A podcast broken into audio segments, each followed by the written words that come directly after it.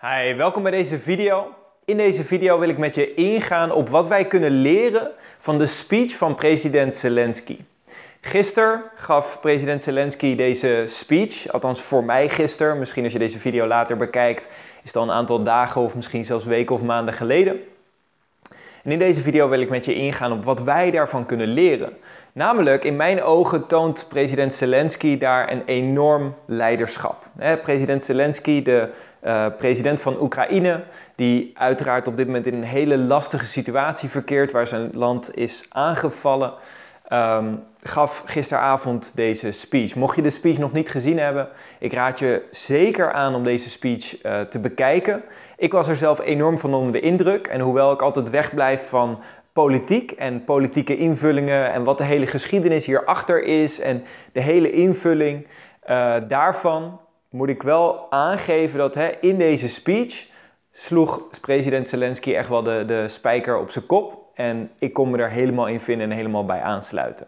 Dus laten we in deze video eens kijken wat deze speech zo krachtig maakte. Nou, deze video noem ik Leiderschap in tijden van crisis deel 2. Nou, vraag je je misschien af waarom deel 2 en waar is dan in vredesnaam deel 1?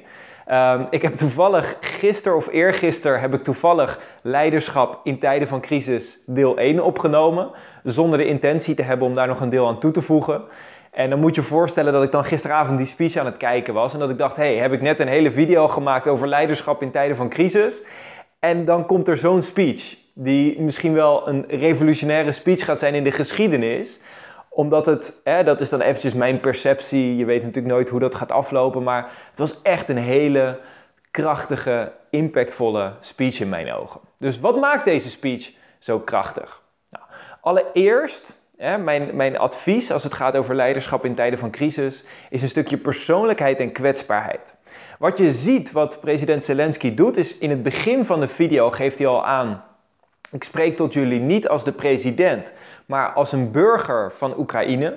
Dus hij zet zichzelf niet boven anderen. Hij zegt: hey, ik spreek tot jullie als een burger van Oekraïne, als mens tot mens. Dus hij laat zichzelf als persoon zien. Hij stelt zichzelf daarmee kwetsbaar op. Dat zie je ook later in zijn speech, waarin hij spreekt over dat de Russen vermoedelijk hebben gehoord dat, dat Oekraïne Donbass heeft, uh, heeft aangevallen, heeft uh, gebombardeerd. En dat hij zegt, denk je nou echt dat ik Donbass zou bombarderen waar ik zelf uh, heb rondgelopen, waar ik zelf sportwedstrijden heb gekeken, waar ik zelf met vrienden in het park uh, heb gedronken. Ja, dus hij stelt zichzelf echt gewoon kwetsbaar op als mens. Hij laat zien wie hij als mens is in plaats van de functie en de rol die hij heeft. Tweede tip voor effectief leiderschap in tijden van crisis is verplaats je in de ander. Wat president Zelensky heel effectief doet in deze speech, is dat hij de hele speech opbouwt vanuit de perceptie van de mensen tot wie hij spreekt. En hij spreekt in deze speech, spreekt hij tot het Russische volk, de mensen in Rusland, om ze te motiveren om eigenlijk op te staan te demonstreren tegen de oorlog en te stoppen. Omdat hij heel goed beseft dat uiteindelijk de macht altijd bij het volk, ligt, hoewel het vaak anders lijkt. We hebben vaak de indruk dat we dat, uh, dat de leiders uh, alles dicteren. En dat is natuurlijk in een dictatuur is dat zeker het geval. Alleen ja, als je realistisch kijkt, dan is het volk gewoon met duizenden keren meer mensen dan de groep leiders. Dus de enige reden dat de leiders kunnen regeren is omdat het volk daarmee instemt. Dus hij spreekt tot het volk. Het punt wat ik wil maken is, wat hij doet, is hij verplaatst zich heel goed in de luisteraar, in de mensen in Rusland.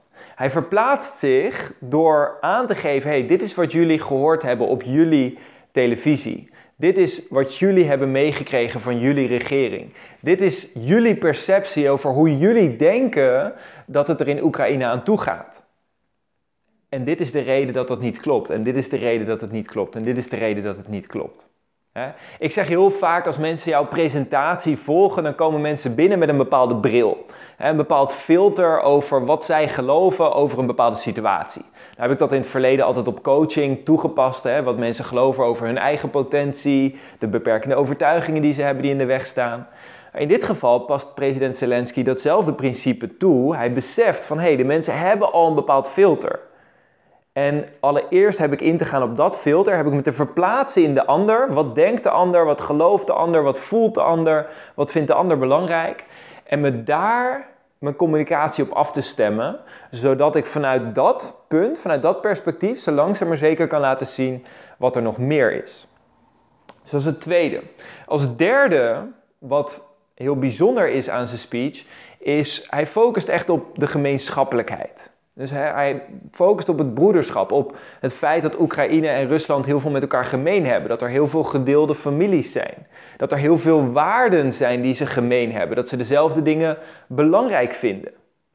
dus hij focust heel erg op gemeenschappelijkheid. Wat willen we nou allemaal? Wat vinden we nou allemaal belangrijk? Uiteindelijk als mensen vinden we allemaal liefde belangrijk. Vinden we allemaal vrede belangrijk. Vinden we allemaal uh, communicatie vinden we belangrijk. Dat we gewoon ons leven kunnen leiden. vrijheid vinden we allemaal belangrijk. Veiligheid, zekerheid. hij geeft ook aan van hey, jullie vanuit Rusland willen jullie de zekerheid dat wij niet bij de NATO horen, zodat jullie die zekerheid hebben. En wij willen de zekerheid dat we niet ingevallen worden, niet aangevallen worden. dus hij focust heel erg op wat hebben we met elkaar gemeenschappelijk. We zijn niet anders dan elkaar.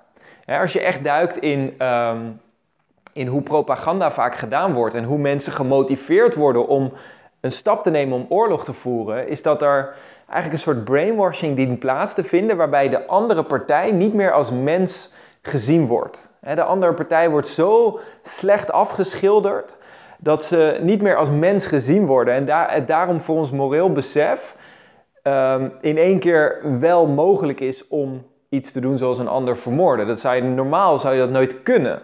Alleen als je de ander niet meer als mens ziet, dan plotseling wordt dat mogelijk. Dus hij focust hier heel erg op: hey, we zijn eigenlijk hetzelfde. We zijn allemaal mensen. We willen dezelfde dingen. We vinden dezelfde dingen belangrijk. Als vierde, wat president Zelensky heel krachtig doet in zijn speech, is hij toont geen enkel oordeel. Hij oordeelt niet over, uh, over de, de mensen in Rusland. Hij oordeelt niet over de mensen die zijn land hebben aangevallen. Hij oordeelt niet over Vladimir Poetin zelfs. Hij oordeelt niet over de Russische regering. Er komt geen oordeel voor in zijn speech. Hoewel hij natuurlijk wel in het begin aangeeft van jullie hebben dit gehoord en dit is de realiteit. Dus het klopt niet wat jullie gehoord hebben, wat impliceert dat er iemand tegen jullie gelogen heeft. Maar dat zegt hij niet. Hij blijft weg van het oordeel. Hij blijft daarin neutraal. Hij geeft ook heel duidelijk in zijn speech aan: wij zullen nooit Rusland binnenvallen. Wij zullen nooit Rusland aanvallen. Als wij aangevallen worden, zullen we onszelf verdedigen. En dat is ook heel belangrijk om te benoemen, heel krachtig. Hij staat daar rechtop, zelfverzekerd, krachtig. Er is geen twijfel in zijn stem te horen. Hij staat wel zijn mannetje en hij geeft tegelijkertijd aan: ja, we zullen ons mannetje staan, we zullen onszelf verdedigen, alleen we zullen niet aanvallen. Dus doordat hij niet agressief overkomt, doordat hij overkomt als hé, hey, we willen allemaal hetzelfde, we willen allemaal uh, willen we die gemeenschappelijke waarden, en doordat er geen agressie in voorkomt, is het ook veel makkelijker om sympathie te voelen voor hem in de speech. Hè? Om ook te beseffen van hé, hey, weet je wat, misschien dat hij het inderdaad wel bij het juiste eind heeft, misschien dat we wel inderdaad allemaal eigenlijk voor die vrede, voor die uh, verbinding moeten gaan. En als vijfde, wat president Zelensky heel krachtig doet in zijn speech, is hij roept op om het samen te doen. wat ik eigenlijk al eerder in deze video zei, hij beseft heel goed dat de leiders van een land altijd maar een paar leiders zijn. Dat uiteindelijk het volk met veel en veel meer is.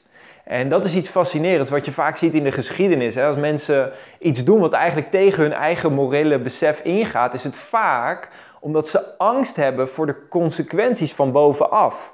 Van, hè, wat als de leiders bepaalde beslissingen nemen?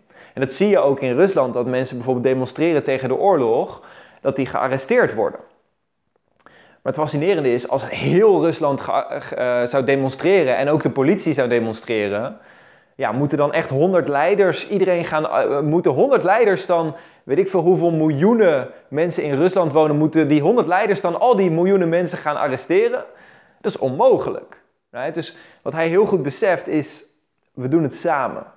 Wij als mensen zijn met veel meer dan de leiders. En natuurlijk zijn leiders ook mensen. Hè, maar hij, dat, dat, dat is nogmaals wat hij heel krachtig doet om het weer rond te maken naar het begin. Is hij stelt zichzelf persoonlijk en kwetsbaar op. En hij zegt ook in het begin: Ik sta hier niet als de president, ik sta hier als een Oekraïense burger. dus hij verplaatst zich heel erg daarin in de ander. Dat was wat ik in deze video met je mede wilde delen. Nogmaals, als je uh, zelf de video uh, van zijn speech nog niet gezien hebt, raad ik je zeker aan om zijn speech te bekijken. Om te ontdekken wat je er zelf ook weer uit kan halen en wat je er zelf van kan leren. Dit was eventjes wat, wat mij kort is opgevallen. Als ik er dieper in zou duiken, zou ik er ongetwijfeld nog veel meer ook uit kunnen halen. En ongetwijfeld dat jij er ook veel meer nog uit kan halen over wat zijn speech nou zo krachtig maakt. Uh, daarnaast, hè, als we met elkaar iets kunnen bijdragen voor de mensen die hier het slachtoffer van zijn, hè, zonder, nogmaals, zonder in te gaan op de politiek en de hele achtergrond en waarom dingen gebeuren en dergelijke. Uh, mensen zoals jij en ik zijn hier het slachtoffer van. Als we daar een steentje aan kunnen bijdragen, zou dat fantastisch zijn. Dat kun je doen door zelf een donatie te doen aan een goed doel waar je zelf achter staat. Ik hoorde gisteren dat Giro 555 inmiddels ook is geopend. Uh, wat een collectie is tussen meerdere goede doelen. Ik heb al eerder zelf de toezegging gedaan dat alle inkomsten van mijn nieuwste cursus over hoe je jouw ideale klant vindt als coach, dat ook die inkomsten volledig ten goede komen voor Stichting Vluchteling, wat ook onderdeel nu is van Giro 555. Um, en dus daarvoor, als je zelf als coach werkt en uh, graag jouw ideale klanten wil vinden, dan kun je die link vinden in de beschrijving hieronder. En dan weet je in ieder geval dat 100% van de inkomsten volledig naar uh, Stichting Vluchteling gaan. En nogmaals, als je zelf een donatie wil doen aan een goed doel waarvan jij het gevoel hebt dat ze een wezenlijke bijdrage kunnen leveren, dat ze mensen kunnen helpen. Volgens mij dragen we daarmee dan een heel mooi steentje bij en doen we dan wat we kunnen om de situatie te helpen en echt te focussen op uh, de oplossing. Nou, geniet van je dag vandaag, maak er wat moois van, houd hoop, houd moed en wij spreken elkaar een volgende keer. Bij deze, ciao ciao!